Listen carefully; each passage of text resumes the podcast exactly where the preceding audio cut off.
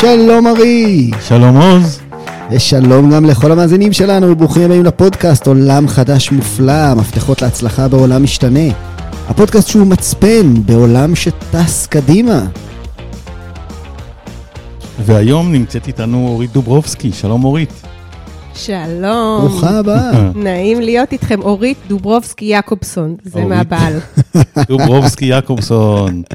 אמ, אז אורית היא עורך דין ונוטריון, והיא בוגרת אה, תואר ראשון במשפטים באוניברסיטה העברית.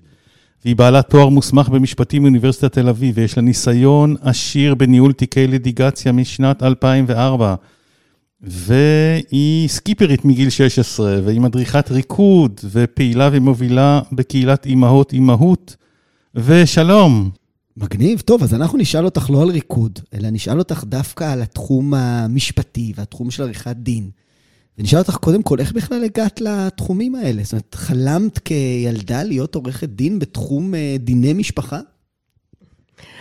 אז החיים כמו החיים, אה, הייתי בכלל ריאלית פיזיקלית בבית הספר, והדרכתי קורס קצינות, קצינות פיקוד בסוף הקריירה, ובסדנת מנהיגות אמרתי לעצמי, מה אני אלמד שהוא גם לוגי וגם ככה ריאלי על החיים? משפטים. משפטים בירושלים, וכך היה. אה, בוא נגיד שהטריגר הוא לא חלום להיות עורכת דין, כמו הרצון לעשות איזשהו שינוי חברתי, להוביל שינוי בחברה, שתהיה חברה טובה יותר. יפה, ואנחנו הזמנו אותך לכאן, לפודקאסט שלנו, כי אנחנו עוסקים בפודקאסט הזה באמת בשינויים, בחדשנות, בדברים שקורים סביבנו. התחום שלך משקף המון שינויים. הוא משקף את השינויים בתא המשפחתי, בטכנולוגיה, בתפיסה של מה זה בכלל זוגיות ומה זה הורות.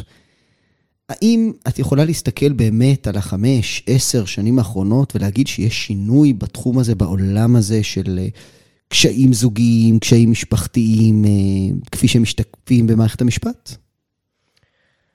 אז קודם כל התגלגלתי מחלום ככה לעסוק יותר בבג"צים ובשינויים ככה כמו אליס מילר למיניהם, שוויון וכולי, ממש ממש לתוך המקום הכי הכי אינטימי, בחדרי חדרים, שזה מה שמתחולל בין בני זוג או בתוך המשפחה. זה תחום שאני רואה אותו כתחום סמי-טיפולי, זאת אומרת, את עורכת דין, ואת נותנת ייעוץ משפטי, ואת מסבירה מה הולך לקרות בהליך, ואת מופיעה מול השופט, או הדיין, או השופטים. אבל בח... במשרד, אני מקבלת את הסיפורים הכי הכי אינטימיים, למה נפרדים, ומה קורה בחדר המיטות או לא קורה. ועם הילדים, כן מצליחים להביא ילדים ולא מצליחים להביא ילדים, והסתה, ואלימות, לא עלינו, והטרדות וכולי וכולי. זאת אומרת, מימים ימימה הייתה משפחה, והיו גם קשיים, אה, והיו גם סכסוכים.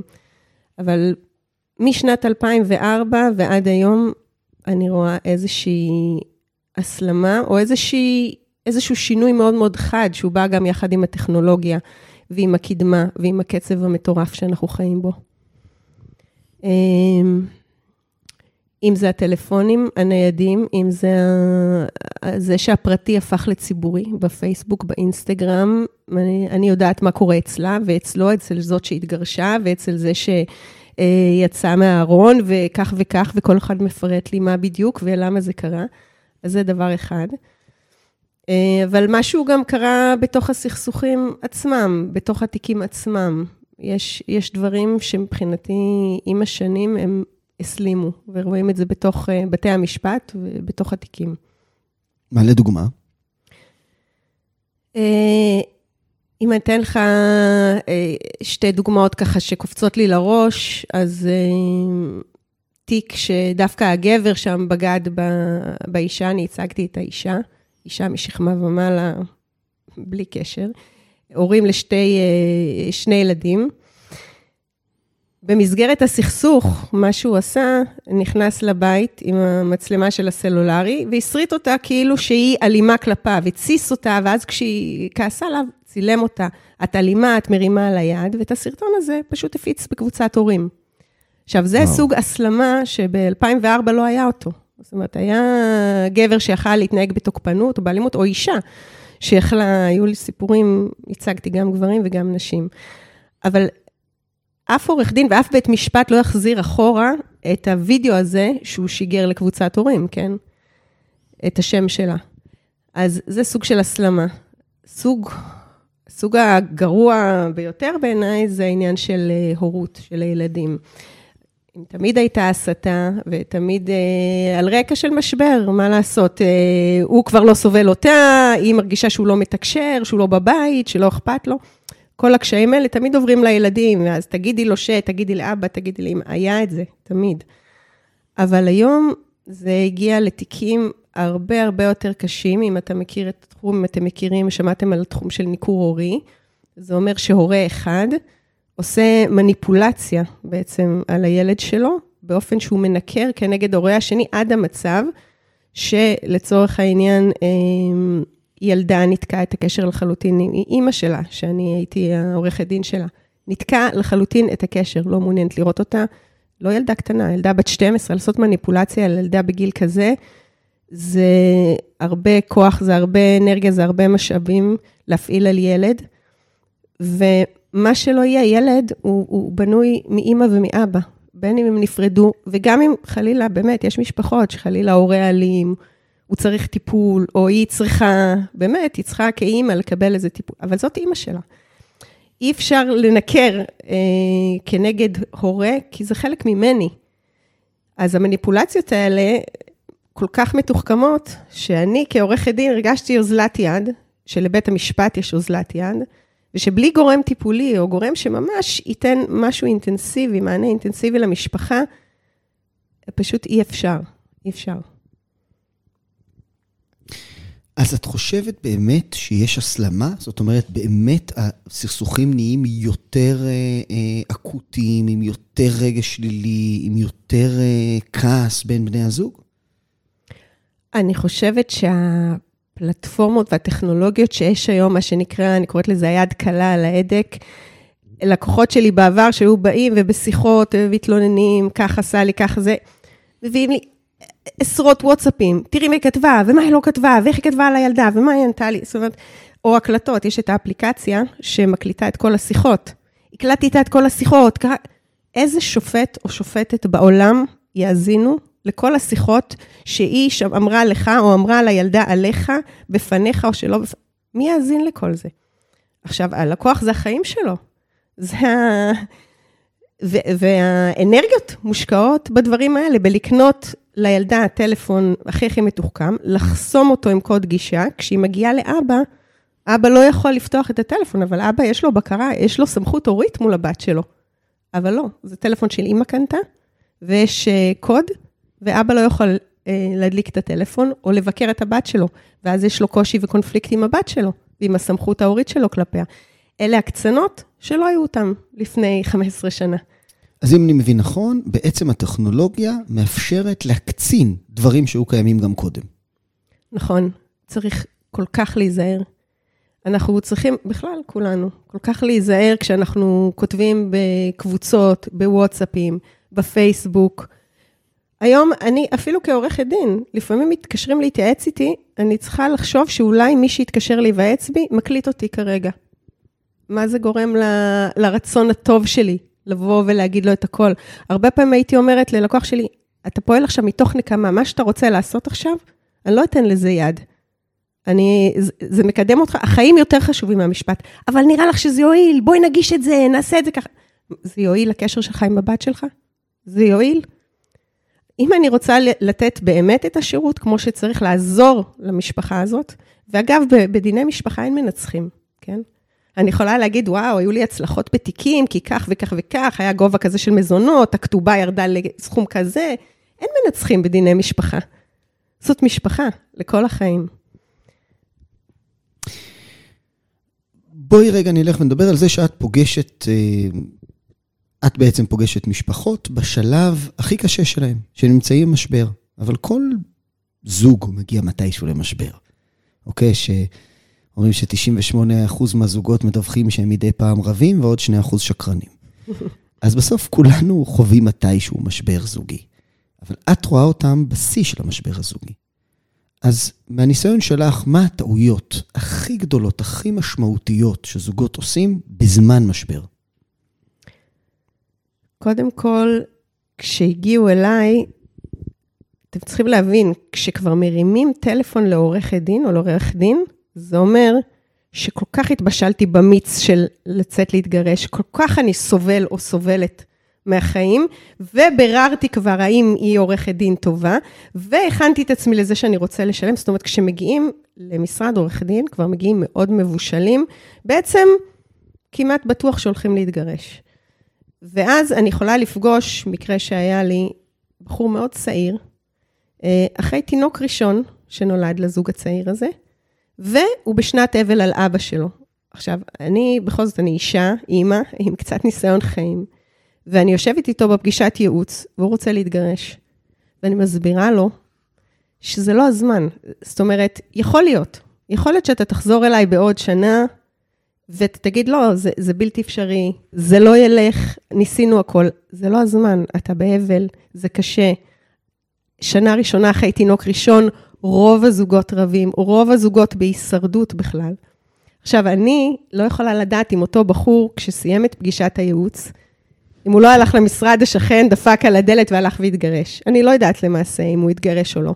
אבל הרבה שנים, הדין עצמו בישראל, של מרוץ הסמכויות, גרם לנו, עורכי הדין, מבחינת האחריות המקצועית שלנו, להמליץ ללקוח, אוקיי, כך וכך, הוא עשה לך כך וכך, כדי להגן על הרכוש, על הבית, על זה, בשבילך אישה, יותר טוב בית משפט למשפחה, לא בית דין רבני. זאת אומרת, באותו רגע, מבחינת האחריות המקצועית שלי, אני צריכה להכין לה תביעה, יש כמה תביעות, תביעת רכוש, תביעת משמורת בעניין הילדים, תביעת מזונות בעניין הילדים, ותביעת גט לבית הדין הרבני, אם צריך גם כתובה. אני, וזאת האחריות שלי, אחרת היא, היא תתבע אותי על רשלנות מקצועית. זה היה הדין בישראל במשך שנים. למזלנו, קרה משהו טוב והדין הזה השתנה. אמ, יש הוראת שעה, אתה שאלת אותי, לא על הדין אבל, נכון? שאלת אותי יותר על מה, איך מגיעים אליי. אז אני רק אוסיף ואומר שכשמגיעים אליי, נמצאים בשיא של משבר. אז א', אני גם ייעצתי לכל הלקוחות מכל הסוגים, ובלי להעליב, אמרתי להם, בלי להעליב, גם, גם לעצמי וגם למשפחה שלי אני מייעצת את זה. קחו טיפול אישי. מה שלא יהיה במשבר הזה, בגירושין, בסכסוך, זה ייקח, יש בזה המון מורדות, יש המון רגעים קשים. בבקשה, קחו טיפול. לא הכל אפשר לספר לחברה, ולא הכל אפשר לספר, להתייעץ עם אימא. אה, קחו לכם ליווי, מישהו שיעזור, יהיה קשה עם הילדים, אולי גם הם יצטרכו טיפול. זה דבר שיעצתי לכולם. יש נשים או אנשים שממש ניסיתי לשים להם קצת ברקס, לתת להם חשיבה. והם הלכו ועשו ייעוץ, טיפול לעצמם. יש כאלה שחזרו אחר כך כן כדי להתגרש, ויש כאלה שאולי לא. אבל אני כעורכת דין, אני צריכה לראות בכלל את המשפחה מאחורה, את הילדים שלא נמצאים אצלי במשרד, לראות אותם, מה קורה איתם, מה יהיה איתם. אבות שהגיעו אליי, במקרים דווקא של אנחנו מתגרשים בהסכמה. אגב, זאת העילה הכי טובה, להתגרש לפי הדין היהודי ובכלל. אם מסכימים, אז בסדר. אז, אז אז זה, זה כנראה מה שהחלטתם בצורה בוגרת, אני רק אעזור לכם. אבל גם כשאבא אומר לי, אנחנו בהסכמה אה, מתגרשים, נראה לי בינתיים שהם יהיו אצל האימא, אני אפגוש אותם אולי איזה ערב ושבוע, ואני יושבת ומסבירה לו, אתה אבא של הילדים האלה. אם אתה עכשיו בהסכם תהיה אולי איזה פעם בשבוע, זה יהיה האבהות שלך. אני יושבת ומסבירה לו, מה שאתה כותב בהסכם פה משליך להרבה שנים קדימה. אם היא בת שש או הוא בן עשר, זה להמון שנים. לא, אם אתה רוצה להיות אבא, אז עכשיו, כן, אתה תצטרך לעבוד פחות. כן, תצטרך פעמיים בשבוע לצאת ולהיות אבא של הילדים שלך. אז יש, יש המון דברים שבהם אמרתי, זה תחום שהוא סמי-טיפולי, כי, כי חייבים לראות את המכלול של המשפחה, ולהבין שזו משפחה במשבר עכשיו, ולראות גם את הצד השני. אני לא באה לנצח את, את אשתו. אני לא, לא באה, כי, כי הילדים יפסידו פה. אני כן באה להגיד לו מה הזכויות שלו, מה לפי הדין המזונות, מה, מה מבחינת הדין זה חלוקת הרכוש, אני צריכה לתת לו את מה שהמשפט מקנה לו. מעבר לזה, חייבים ראייה הוליסטית. ותלוי מאוד על איזה שופט או שופטת נוחתים, זה כמובן גם משפיע. אני רוצה לשאול שאלה שלא חשבתי שאני אשאל בשיחה שלנו, בגלל שהמחשבה שלי הייתה שאנחנו הולכים לדבר קצת על היבטים של עריכת דין בהקשר הזה, ו...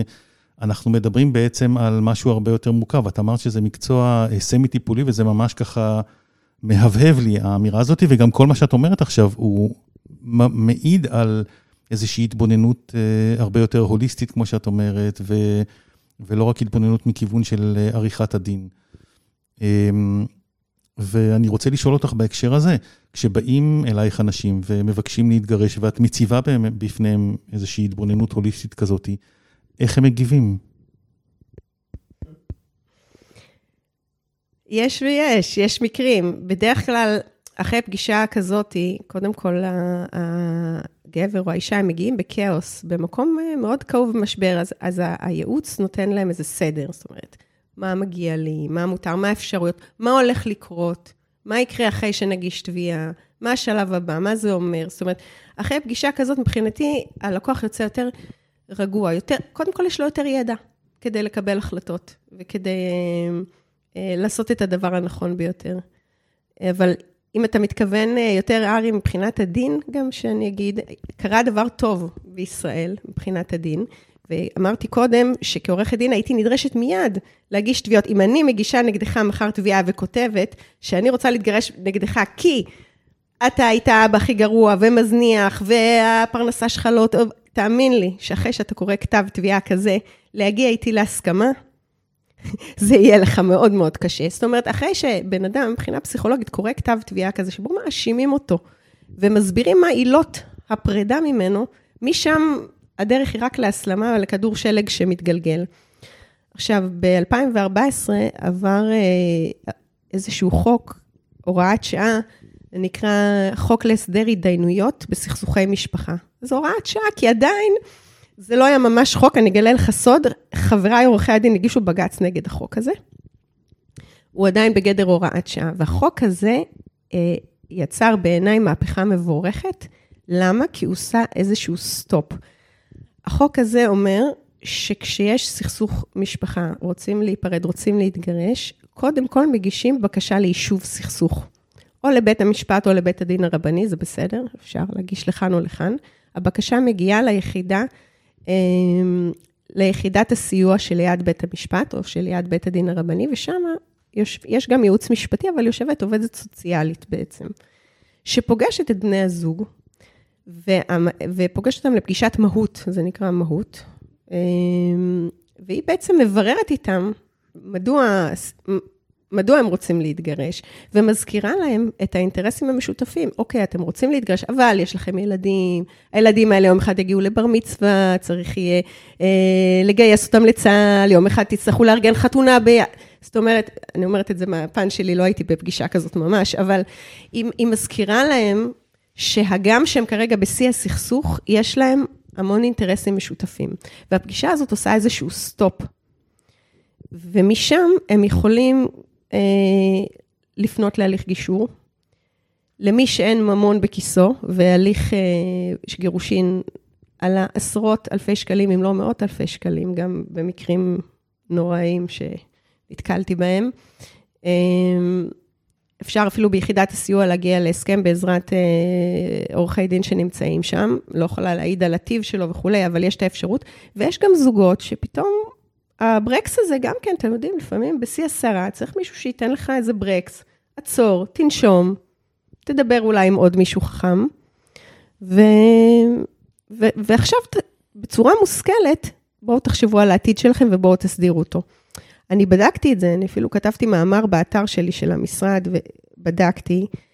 ממש אחוזי הצלחה מאוד מאוד גבוהים של השיטה הזאת. זאת אומרת, אה, אם אני לא טועה, משהו כמו 40 אחוז הצליחו להגיע להסכמים, יש תיקים שבכלל נסגרו. וואו, זה המון, 40 אחוז שבעצם מסיימים בהסכם במקום כל הרפש במקום של בית המשפט. במקום להוציא את כל הכביסה המלוכלכת, ואני מדברת על כל הכביסה המלוכלכת, כולל הסרטונים האלה שדיברתי עליהם קודם, ווואטסאפים נוראיים, שאנחנו כותבים בחמת זעם לבן זוג או לבת זוג שלנו, כשהם עף לנו הסכך אחרי מה, ש, מה שקרה לנו איתם לפני רגע. אז את כל הוואטסאפים האלה, כשזה מוגש לשופט, ורואים את זה עורכי דין, זה, זה באמת רפש. מזה לבנות עתיד משותף כהורים לילדים, אה, קשה מאוד. זאת אומרת שהיום אין כבר את המרוץ סמכויות הזה? נגמר? לא לחלוטין, כי זה, יש מרוץ ימים, ולא לא אלאה אתכם בעניין הזה, אבל הסטופ שזה עשה, זה הביא להרבה יותר הסכמים, ובכלל האפשרות הזאת של הסכם, במקום מה שהיינו מוכרחים לעשות, של להגיש את כל כתבי התביעה האלה, ואני מדברת על רכוש, זה תביעות ש... נפרדות, רכוש, מזונות, משמורת, זה שלוש תביעות, ותביעת uh, גט, תביעות שבהן כותבים את כל הדברים, זה פשוט עשה סטופ. אז בעצם היום אי אפשר להגיש תביעות, את התביעות האלה בלי שעוברים שם? נכון. קודם כל מגישים בקשה ליישוב סכסוך. יש uh, מקרים של אלימות, או חלילה אם יש מקרה דחוף של הסדרי קשר או מזונות, אז יש, יש אפשרות להגיש בקשה דחופה. אז בעצם יש פה איזושהי מערכת שבעצם היא נותנת איזשהו מין עצירה כזאת לבני הזוג, היא מאפשרת להם לשקול את זה מחדש. דיברת על 40 אחוז שמצליחים להגיע שם להסדרים ולא להתגלגל לתהליכים משפטיים שלפעמים יכולים להיות מכוערים. האם את מכירה גם סטטיסטיקה לגבי כאלה שלקחו צעד אחורה ואמרו, רגע, אולי אנחנו מנסים עוד פעם?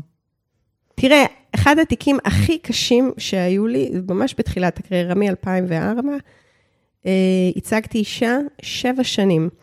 עכשיו, הילד הכי צעיר שלה, בהתחלה הרימה אותו על הידיים, בסוף הקשר, בסוף הייצוג, היא סיפרה לי על הבר מצווה שלו.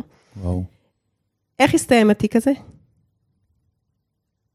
שבע שנים, אני מדברת על סכסוך בבית משפט למשפחה, כשמישהו מהם, אני לא זוכרת כבר מי הפסיד, היה ערעור למחוזי. תוך כדי זה הוא דקר לה את הצמיגים של הרכב, אז היה גם תיק פלילי בבית משפט שלום, וכמובן היה ברבני, את התביעת גט. שבע שנים של איסורים, שאני בליווי אצלו, כשאני, יש לי לקוח כזה, אני מתחתנת איתו, זה שבע שנים, אני בקשר הכי אינטימי איתה. איך הסתיים התיק הזה? בפשרה? הסכם, למה? כי היה צריך למכור את הדירה. אז אחרי שהוא עבר שלושה, ארבעה עורכי דין, בסוף עם העורך דין האחרון, ישבנו כולנו באותו חדר, ורשמנו הסכם, כי היה צריך למכור את הדירה. וואו. אז תחשוב איך השינוי החוקי הזה יכול לעשות סטופ מבורך לאנשים מלכתחילה, מה שנקרא. מדהים. אני חושב שכשאנשים בסוף, כמו שאמרת, מגיעים אלייך, אז הם כבר מבושלים. הם כבר התבשלו ואמרו, אוקיי, אני מבין, אני יודע שזה מה שאני רוצה, ועכשיו אני מקדם את זה. אמ, דווקא בגלל הראייה ההוליסטית שלך, עם כל ההתבוננות גם על תהליכים כאלה, האם יש דברים שאת יכולה אולי להמליץ לבני זוג שהם נמצאים עכשיו במשבר, ועוד לא קיבלו החלטה סופית לעשות את המהלך הזה? תראה, אתם פה מדברים על קדמה וחדשנות. אני, אני מודה, וזו הגישה שלי, וזה הקול שאני משמיעה, זה קול יותר מסורתי ויותר שמרני. אנחנו מגנים על המדינה ואנחנו בעולם גלובלי, אבל החברה בנויה תאים-תאים. והתא המשפחתי, הוא היה תא יסודי כל השנים. אמ, והגישה שלי, שאנחנו בעידן הזה קצת חוטאים לתא הזה, ומרוב, ואני פמיניסטית מאוד, אז הפמיניזם, והעידן של, אה, אין לי שום דבר חלילה נגד, אבל הקהילה הגאה וכל מיני סוגי משפחות שיש לנו היום, כמובן יש גם ידועים בציבור. ו... זאת אומרת, הרשינו לעצמנו את כל מגוון הדברים, אבל לשמור על התא הזה, על הקן הזה, שהוא נקרא משפחה, זה לא קל. גם, גם לי זה לא קל, אני מאמינה שגם לכם, שאתם אנשי משפחה, זה לא קל, גם בעולם שמודד אותנו על הצלחות. זאת אומרת, הצלחתי, לא הצלחתי, כמה הצלחתי. אז אם הבן בן תשע וחצי שלי, כשאני חודלת אותו מהאקסבוקס, אומר לי, את האמא הכי גרועה בעולם. אני, אולי באותו רגע אני מרגישה כישלון, אז מה, אני אוותר על ההורות הזאת? לא, על הסמכות. אותו דבר בזוגיות. אני רואה את האי בפייסבוק, וההוא זה, ומה, ובעלי לא הביא לי כלום לוולנטיינס, ובכלל לא אכפת לו. זה כל כך קל אה, לפרק. בגלל uh, משהו מדומיין של מה, לא טוב לי, אני אחליף. לא טוב לי, יש אחד יותר טוב בחוץ, מחכה לי. אני מחליפה רכב, אני מחליפה מקרר, אני מחליפה אייפון, מחליף בעל, מה, מה הסיפור? אז זה לא ככה. זאת אומרת, אני בת 47, אה, וככה אני סבורה שהחיים יש בהם משברים. המשברים האלה יכולים גם להצמיח. לא כל כך מהר אה, ללחוץ על ההדק. לא כל כך מהר להגיע להסלמה, ובטח לא דרך אימיילים ווואטסאפים וקבוצות, ולהפיץ את הסכסוך שלנו בין כל העולם ואשתו, זה ביני ובינך. זה, זה הדבר הכי אינטימי שיש, וזה התא המשפחתי. ולכולנו זה לא קל. That's life. את יודעת, אה, לפני הכל, נתונים. מה קורה לרמת הגירושים היום? זאת אומרת, האם אנחנו, מה האחוז שמתגרשים? האם יש עלייה, ירידה ברמת הגירושים? מה המגמה? מבחינה שנתית, אה, בשנת 2016, 52,809 זוגות התגרשו. אנחנו צריכים להבין גם שהיום יש גם ידועים בציבור שנפרדים, אה, אז אלה נתונים שמדווחים. אבל אנחנו חשים באווירה מסוימת. אני גרה בעיר מודיעין, ואצלנו הסברה היא שיש המון עבודה לעורכי דין למשפחה במודיעין, כיוון ש-50 אחוז מתגרשים, זאת עיר מאוד צעירה, עיר של זוגות צעירים, ילדים, כשמגדלים ילדים זה קשה, ואחוז הגירושין הוא גבוה. אז אני לא, לא אוהבת להטעות במספרים, אני, אני מדברת על אווירה. אני, אנחנו לא רוצים לחזור לשנות ה-70, כן? כשאני גדלתי אצל ההורים שלי, להתגרש זו הייתה מילה גסה. אסור, אסור uh, להגיד שיש בעיות בזוגיות, הכל שקט וכולי. לא. חס וחלילה, אם יש uh, התנהגות פוגענית, אם יש uh, ניצול, התעמרות בין בני הזוג, אז, אז מפרקים. אבל מצד שני, לא מפרקים כל כך מהר, כי כולנו, קשה לנו. אז, אז מתי? אז איך? אני שמעתי הרצאה מצוינת במסגרת איזשהו, אה, במסגרת אה, מסע מומנטום שעשיתי, שאומרת, הבן זוג זה כמו חלק מהגוף שלי. אז אם היד שלי חולה, אני אטפל בה, או אני ארפא אותה, או אני אלך לרופאים, או אני אעשה, אבל אני לא אכרות את היד כל כך מהר, כן? קשה להגיד איפה הגבול. אז בואי נשאל שאלה אחרת. את יודעת, אנחנו מראיינים פה אנשים שעוסקים בעולם של זוגיות, של אה, משפחה חדשה וכן הלאה. והיום יש אה, אחוז מאוד גבוה של משפחות חד-הוריות, יש אה, נתון באנגליה, אמרה לנו אחת המרואיינות פה באחד הפרקים שעסק בנושא של זוגיות, שבשנה האחרונה נולדו יותר ילדים למשפחות חד-הוריות באנגליה, מאשר ילדים למשפחות שאנחנו רגילים אליהם, של בעל ואישה וכן הלאה. למה זה רע? כלומר, אולי זה בעצם המשפחה החדשה שאליה אנחנו צריכים לאט לאט להסתגל. לי יצא לערוך הסכם הורות בין אישה לבין ידיד שלה. היא הייתה בגיל מבוגר, והיום אפשר עם טיפולי IVF, ואפשר מבחינה טכנולוגית להביא ילד, ולמה שהיא לא תהיה אימא? וזה בסך הכל גבר נחמד, שהוא ידיד שלה וכולי. ברגע שאני נדרשתי לערוך את ההסכם הורות, אני, אורית, גם כאורית, גם כעורכת דין, הבנתי שאני לא יכולה להסביר להם בכלל, מקרים של הפרת חוזה, אני לא יכולה להסביר להם איך תרגישו כשתהיו הורים. אני לא יכולה להסביר להם מה יקרה ש, שאת תניקי את התינוק, אבל הוא, שבכלל גר בבית אחר, ואת מכירה אותו פחות או יותר, אבל לא מדי לעומק, יהיה לו הסדרי קשר עם התינוק שלך, והוא ייקח אותו ללילה או לשני... זה מאוד מאוד קשה להבין את זה.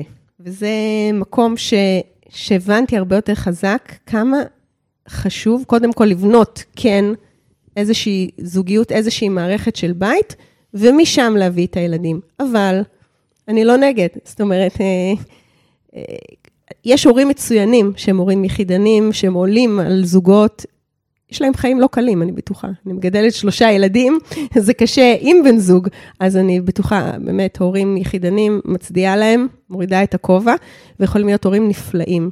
אבל יש משהו, אגב, בעיניי בכלל, ראש גברי וראש של אישה, לנהל, אם את הממשלה שלנו היו מנהלים גבר ואישה, נראה לי שישראל הייתה במקום יותר טוב. אז תני לנו באמת, כי בסופו של דבר אנחנו נתקלים בגירושים כל הזמן. וזה גם דבר כמובן מאוד חיובי, כי זה מאפשר לאנשים במקרים שנכון להתגרש, להתגרש. תני לנו איזשהו אה, מדריך קצר. זאת אומרת, זוג החליט שהוא כן רוצה להתגרש, מה הדברים הכי משמעותיים בעינייך שהם צריכים לעשות כדי שהתהליך הזה יתנהל בצורה חיובית? נניח זוג עם ילדים לצורך העניין. כשפונים אליי, או כשפנו אליי זוג אה, אני קודם כל שואלת אם יש ילדים, כיוון שאם זו זוגיות בתחילתה ואין הרבה רכוש וזה בהסכמה, זה מאוד פשוט. אם יש ילדים, אני מסבירה לכם, בני הזוג, הילדים זה לכל החיים. מה שהפריע לך בתקשורת איתו, שהוא בלתי נסבל, כי הוא לא מבין שלילד זה לדעתך מזיק כשמדברים אליו ככה ולא אחרת, זה ימשיך להיות. גם אם יהיה לך את הסטמפה של הרבנות שהתגרשת ממנו. אז קודם כל תבינו שהילדים זה לכל החיים. ולכן אני מאחלת לזוגות שמבחינתם הגיעו מים עד נפש וזה לא ילך, ללכת לתהליך של גישור, תהליך, לא מה הכי זול ושתי פגישות ונסיים עם זה, ללכת לתהליך, כי התהליך הזה הוא גם תהליך של פרידה, הוא תהליך שמלמד אתכם לדבר בצורה מכבדת אחד עם השני, ולא דרך הילדים שלכם, כי זה קשה מאוד לילדים שמתחילים לדבר דרכם. אבא אמור לקחת אותך, אז תרד למטה, אבל הוא לא בא לקחת אותי. אימא לא שלחה איתך בגד ים, היא ידעה שהיום יש לך חוג שחייה, אבל היא לא שלחה את הבגד ים, כי הבגד ים בבית של אימא. Mm. כל הדברים האלה, אלה הילדים שלכם. אז תיקחו אחריות, אתם נוהגים בהגה, והם יושבים מאחורה, והמכונית המטורפת הזאת שנוסעת להם לכל הכיוונים, אתם ממשיכים לנהוג בה, גם אם תגורו בבתים נפרדים. אז אין מנוס מהתהליך הזה. אם אתה לא סובל אותה יותר, ואין מנוס, אם הבאת איתה ילדים, זה לכל החיים. אתה תעמוד איתה בלשכת גיוס, ואתה תראה אותה מנשקת, ועם כל החרדתיות שלה אומרת לו, וזה, ומה יקרה לך? שם הייתי, הזאת אימא שלו. אז את כל הדברים האלה, אין קיצורי דרך, תסלחו לי. אם חשבתם שזאתי התגרשה וצ'יק צ'אק עברה לחיים חדשים והכל אצלה דבש, תשכחו מזה. הרבה הרבה סכסוכים באים אליי אחרי הגירושין, אחרי ההסכם, אחרי הרבנות, באים בגלל הבעיות אה, בהסדרי הקשר, באים בגלל הבעיות של אי תשלום מזונות, באים... זאת אומרת, לא הכל נפתר ברגע שמתגרשים.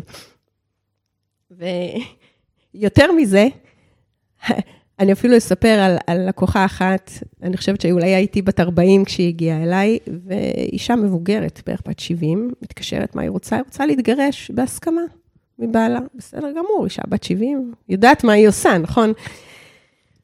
אה, כשהיא דיברה איתי ב, ביחידות, ככה איפשהו בשיחה, אתם ראיתם, אני גם קצת ככה טיפולית כזאת, איפשהו היא אמרה, זה, זה הבעל השלישי שלי, אני לא מאמינה שהתגרשתי מהראשון, אני לא מבינה למה עשיתי את זה לעצמי. אוקיי, אני אגיד לכם מה, כשהם ישבו מולי, הבעל השלישי והיא, שניהם באמת אנשים אינטליגנטים, עם הרבה רכוש אגב, וכולי, וראיתי את הדינמיקה ביניהם, איך הם מדברים על מתי הוא יעביר לה את המיליון שקל ולטה-טה-טה-טה, הבנתי שיהיה לה גם זוגיות רביעית, וכנראה גם חמישית. כי יש דברים תבינו, אתם אלה שרוצים להתגרש, שמה שאת עכשיו לא פותרת עם עצמך בזוגיות איתו, יופיע לך עם הבן זוג הבא. אז לכו תעשו תהליך קודם עם עצמכם. זה לא בושה וזה לא כישלון. אל תמדדו את עצמכם בהצלחתי או לא הצלחתי בנישואין. חמלה עצמית וללכת לעשות את התהליך, כי אין דרכי קיצור. לא תעשי את זה עכשיו לפני הגט, תעשי את זה עם הבן זוג הבא, או תעשי את זה איתו בסכסוכים אחרי הגט, על הסכם הגירושין ועל הפרשנות שלו. אז בעצם דבר ראשון שאמרת לנו, אם אתם רוצים להתגרש, קודם כל תתחילו עם איזשהו תהליך עם עצמכם. כי מה שלא עבד עכשיו, גם לא יעבוד בפעם הבאה. שתיים, אמרת לנו, לכו לגישור. תנסו עד כמה שאפשר לא להגיע לבית המשפט, אלא לכו לגישור. מה עוד אני צריך לזכור בתהליך כזה?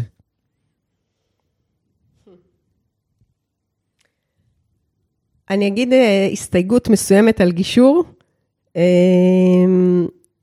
הגישור, אבל גישור עם מגשר מאוד מוסרי, מאוד טוב, או מגשרת, כי יש לנו היום שפע, אה, וכמו שיש את אלף סוגי מקררים ממש בזול, שאני יכולה לקנות. יש מגשרים ממש בזול. יש שפע של מגשרים, ולצורך העניין, אישה שאני מאוד אוהבת וקרובה לליבי, התגרשה עם ילדים מאוד צעירים, ילדה בת ארבע ותינוקת. אה, והגבר, אתם יודעים, אה, הוא ייפגש איתם בימי שני ורביעי, יש כזה דבר, דרך אגב, ימי אה, מפגש, כי אחר כך כשמכירים את הזוגיות השנייה, אז גברים בדרך כלל זה שני ורביעי, או אחרת זה לא מסתדר עם הילדים שלה, וש... זה מאוד מורכב. אבל מה המגשר אמר בעצם לאותה, לבני הזוג בפגישה, ויש לו המון כוח בתהליך כזה, כי הם כאמור נמצאים בשיא המשבר, במקום מאוד רגיש. אה, אבא במילא לא מקיים את הסדרי הראייה עם הילדים. אז למגשר יש המון המון כוח, המון המון כוח. לפעמים יש צד חלש, כי ככה זה בזוגיות, זה צד שלא ניהל את הכספים, שלא מכיר את הזכויות שלו, או זה צד שלא נתנו לו לדבר עם הילדים, כי היא תמיד השתלטה על איך אה, מנהלים את הילדים ומחנכים את הילדים. ומגשר רגיש וחכם, צריך לשים לב כשיש חוסר איזון ולשלוח צד כזה לייעוץ משפטי. הרבה פעמים הגיעו אליי לייעוץ משפטי מתוך הליך גישור, כי המגשר הרגיש את חוסר האיזון, ואז אני מסבירה את הזכויות ומה כדאי וכולי, וחוזרים קצת יותר אה, מגויסים להליך. הליך גישור, אני מדברת על הליך שהוא גם סוג של פרידה פסיכולוגית, של לבוא לדעת להגיע למקום המכבד שהחלטנו להיפרד, ואנחנו לוקחים על זה אחריות לשנים רבות, כולל תשלום המזונות, כולל זה שאנחנו אה, לא נדבר רעה אחד על השני בפני הילדים שלנו. כולל זה שנכבד את זה כשאת תבחרי להביא גבר חדש לחייך ולא נהפוך לרכושנים כלפי זה. כולל המון המון דברים שהם תהליך פרידה פסיכולוגי ולא רק משפטי, כי משפטי, אתם יכולים היום מאוד בזול להשיג, יש שפע. אבל החברה שלנו, היא, היא צריכה לעשות כאן איזשהו תהליך, ואולי הילדים האלה, של ההורים הגרושים ושל האימהות או אבות יחידנים, אולי הם יעשו לנו את המהפכה בעוד 10-20 שנה. את יודעת, יש לי אה, זוג חברים שחיו יחד הרבה שנים עם ילדים והחליטו להיפרד, והם נפרדו ועשו תהליך, ואחר כך הם, אה, כל אחד התחתן, וכל אחד הביא עוד ילדים, והם משפחה מורחבת. זאת אומרת, בבר מצווה של הבן שלי, הם ישבו בשולחן אחד, ואני מסתכל עליהם, ומבחינתי הם, הם אה, דמות, הם, הם מופת, הם, אני מעריץ אותם, אני מסתכל על איך הם הצליחו לצאת מתוך מקום כזה קשה ולייצר אמ, מערכת כל כך טובה, והילדים חברים ביניהם, וגם הילדים של הבן זוג הזה, יש שם מערכת מדהימה. ואני מסתכל פשוט בהערצה. ורציתי לשאול, אני מכיר זוג אחד כזה, רציתי לשאול, האם את מכירה עוד אה, מקרים כאלה ש, שהצליחו לעשות את התהליך בצורה נכונה? זה פחות מהמשרד שלי, זה יותר מהחיים. אני מכירה זוגות גם שהתגרשו, והתחתנו מחדש, יש מקרים בודדים כאלה. בינם לבין עצמם? בינם לבין עצמם, ויש, uh, מכירה אישה שהתגרשה ואחרי הגירושין הביאו בהפריה עוד ילד מאותו בעל. יש, יש מקרים מדהימים, בסופו של דבר זה בין אדם לחברו, אבל הרעיון הזה של להיות נשואים ולה, ו, ו, ו, וככה לגדל משפחה, זה, זה יותר קל מאשר כשיש ילדים, גם מהנישואים הקודמים, גם מהנישואים האלה. אני עורכת הרבה הסכמי ממון לשלב ב'. אה, יש מתחים מהילדים של הנישואים הראשונים, הילדים של הנישואים האלה, אחר כך זה גם בא לידי ביטוי בצוואה, אחר כך... זה חיים יותר מורכבים, כל הכבוד. אנשים כאלה, כמו שאתה מכיר, באמת, אני, אני מורידה את הכובע בפניהם, כי הם חיים חיים מלאים, מורכבים, הם הצליחו גם לשמר את המשפחה הקודמת עם קשר טוב עם בן הזוג הקודם, וגם לפתח משפחה חדשה, וואו, באמת, מעורר השראה. דיברת על החשיבות של המשפחה, ועל החשיבות של לא לגשת מיד לתהליך, לתהליך של גישור וטיפול וכן הלאה. אני אשאל באיזה מצבים מבחינתך, וזה לא פחות חשוב להגיד, זה אור אדום. וזה מצבים שבהם אפילו חשוב לסיים את הקשר. אז אמרתי, חלילה אלימות, התעללות, אמ, אלימות מינית. ברגע שצד חווה התעללות נפשית או פיזית, זה המקום, דבר ראשון, לקבל עזרה, כי לפעמים כשמסיימים קשר ממקום כזה, זה יכול להיות הרסני ולהוליד מלחמה מאוד מאוד קשה ונוקבת. אז קודם כל, לגשת לקבל עזרה, אם את או אתה נמצאים במצוקה ומרגישים שאתם חווים התעללות מבן הזוג או מבת הזוג, ללכת לבקש עזרה. ושם, אחרי שנעזרים ומתחזקים בעצמכם, להגיע להחלטה הנכונה, וכנראה שהיא לפרק את הקשר. אני, אני אוסיף ברשותכם כאן מהעמדה, במקום הפסיכולוגי. עוד אה, הערה אחת שאני חושב שחשוב מאוד שתיאמר בפודקאסט, בפרק שעוסק בנושא הזה. וזה אה, לא לפספס סימני אזהרה אה, מקדימים. זאת אומרת, אם בן או בת זוג שלנו, כל הזמן חשוב להם לבדוק לנו את הוואטסאפים, והם כל הזמן רוצים לדעת איפה אנחנו נמצאים ועם מי אנחנו נפגשים, או אם הם אה, רוצים לשלוט בנו, לבודד אותנו מהסביבה החברתית והמשפחתית שלנו, ולשלוט לנו על ההוצאות, ולתת לנו כסף מזומן, כמה מותר לנו להוציא, אנחנו צריכים לתת דין וחשבון על כל הוצאה קטנה. אני תמיד אומר את זה לסטודנטים שלי שהם בגילאים האלה של יצירת הקשרים הזוגיים. אומר להם, זה לא יירגע כשתהיו נשואים, זה יסלים, זה יחמיר, וזה לא יירגע כשיהיו ילדים, זה רק יחמיר. תזהו את סימני האזהרה האלה, ובזמן תיצרו את המחקר, כי זה בדיוק הסימנים למקומות הבעייתיים שעליהם אה, דיברת. זה כל כך חשוב אה, אה, לחנך גם את הילדים שלנו למקומות האלה, לראות את נורות האזהרה האלה. אתה מכיר את השיר של סטינג, כך אהבתי אותו בגיל העשרה, עד שדוקטור אורית קמיר בתואר הראשון למשפטים קלקלה לי אותו, every step you take, every move you make, I'll be watching you. אז, אה, אז מכאן נולד החוק למניעת הטרדה מאיימת של דוקטור אורית קמיר, אבל אה, ככה כדי להקליל את העניין. כן, אמר פרופסור אורבך, זיכרונו לברכה, אמר לנו בזמנו שיש את השיר בלעדייך אני חצי בן אדם, בלעדייך אני בעצם כלום. אז הוא אמר, מרשם בדוק לדיכאון ולהתעללות המשפחה. יפה, זה נראה לי נימה אופטימית לסיים את הרעיון, לא? אה, המלצה לספר שבעיניי הוא טוב. או, חובה, מצוין. הבאתי אפילו את הכריכה, אני אראה לכם, אבל המאזינים שלנו לא רואים. זה נקרא That's why I married you. Uh, How to Love with Personality Differences של חנה לויטן. יש לי אותו באנגלית, אני מקווה שיש אותו גם בעברית. הספר הזה מלמד אותנו שבן הזוג שבחרנו הוא כמו מורה שלנו, הוא בא לפתח אותנו, לפתח את השרירים. בדרך כלל אישה מופנמת תמצא בן זוג מוחצן, או דווקא נימשך להפכים, משהו בנו בא לגדול. ולגדול זה קצת כואב ולפעמים לא כל כך קל. אורית, אנחנו מסיימים, ואני רוצה להגיד לך תודה. אמ, יש, יש המון דברים להגיד תודה מהשיחה שלנו, עם עצות לאנשים, ו... אבל אני באופן אישי רוצה להגיד תודה על הרגישות, על, ה... על התחושת שליחות שאת מעבירה בתוך הדבר הזה, על האנושיות שאת מעבירה ומביאה לתוך איזושהי סיטואציה שברור שהיא קשה לכולם, ואני בטוח שהדברים האלה שאת מביאה לתוך הסיטואציה, מייצרים המון המון טוב. אה, אז אה, תודה. תודה לכם על ההזדמנות. נהניתי לשבת ולשוחח איתכם. תודה רבה. אז הנאה הדדית, ואני באופן אישי רוצה להגיד תודה גם ליאיר על העריכה, וגם ליעל על ההפקה, וגם לך, ארי. וגם לך, עוז. ואני אגיד שמבחינתנו הפודקאסט הזה הוא הזדמנות להביא לכם את הידע הכי חדש, ולהביא לכם את הידע בצורה מעשית, ולא פחות חשוב, בצורה מהנה.